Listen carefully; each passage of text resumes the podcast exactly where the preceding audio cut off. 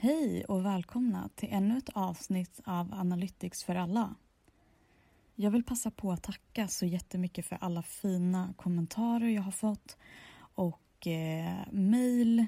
Det är superuppskattat och jag läser självklart allt. Dagens avsnitt handlar om AI och hur det ska hjälpa fotbollscoacher att fatta bättre beslut.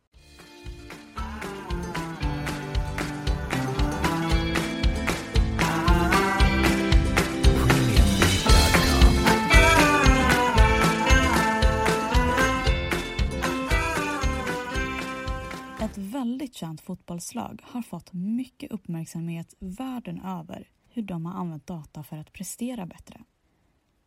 Att analysera data idag är inget nytt men i sportvärlden öppnar fler dörrar och det har länge ansetts svårt eftersom sport handlar om mänsklig prestation. När det kända fotbollslaget för några månader sedan avslöjat att de använt sig av avancerade analyser för att förstå sina motståndare bättre öppnades fler ögon. Men hur funkar det då? Jo, ett företag som arbetar med detta och har erbjudit fotbollslag det här har på flera fotbollsarenor runt om i världen satt upp HD-kameror.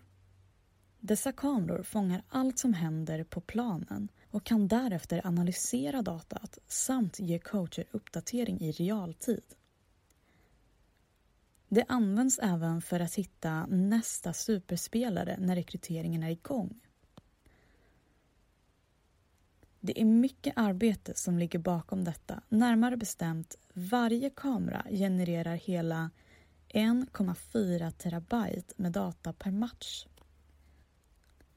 Detta innebär att med 14 kameror runt om i världen är det nästan 20 terabyte data som skickas och analyseras.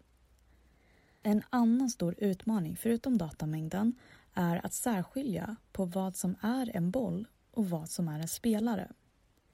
Samt vilken spelare som tillhörde vilket team samt vilken spelare som det faktiskt var. Det ska också vara möjligt att urskilja spelarens rörelsemönster samt kunna addera hur mycket spelaren rört sig för att kunna uppskatta graden av utmattning exempelvis. Idag är det möjligt att direkt i samband med en match få statistik på hur långt spelarna har sprungit, hur mycket de har haft bollen och överlag hur väl de har presterat. Skaparna till detta säger också att redan år 2020 borde det vara möjligt att återskapa en hel match som ett hologram vilket skulle vara en revolution inom fotbollsvärlden. Idag analyserar företaget SciSports över 8000 matcher varje vecka. Och i databasen finns det över 9000 spelare lagrade. Med en sådan enorm databas är det därför möjligt att erbjuda insiktsfulla analyser kring vilken spelare som skulle passa för vilket lag. Vilka spelare som har potential men inte har utvecklats fullt ut ännu. Samt hjälpa spelarna att hitta en passande klubb som ger möjligheterna för att använda sin fulla kapacitet. Det Sidesports erbjuder bör vara ett verktyg för coacher att använda snarare än att ersätta coacherna helt. Det handlar ändå om en kombination av data och en förståelse för spelarna som personer och människor. Alla prestationer som har med en människa att göra kan inte förutses av datorer. Det är det som gör allt mer spännande under en fotbollsmatch. De oförutsedda händelserna. Jag själv har varit med i ett liknande projekt för ett svenskt fotbollslag. Och det var ett väldigt spännande projekt och jag förstod väldigt snabbt att det, det här kräver väldigt mycket arbete, samt intressanta analyser som kommer komma ut av det.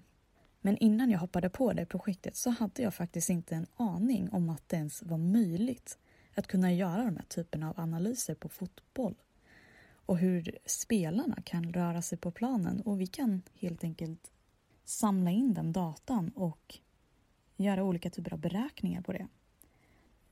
Jag tycker att den här världen bara chockar mig mer och mer för varje gång som går.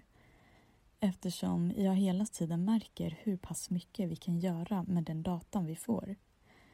Och det känns fantastiskt att kunna få vara med på denna typen av resa för olika företag och hjälpa dem att helt enkelt bli bättre och fatta bättre beslut.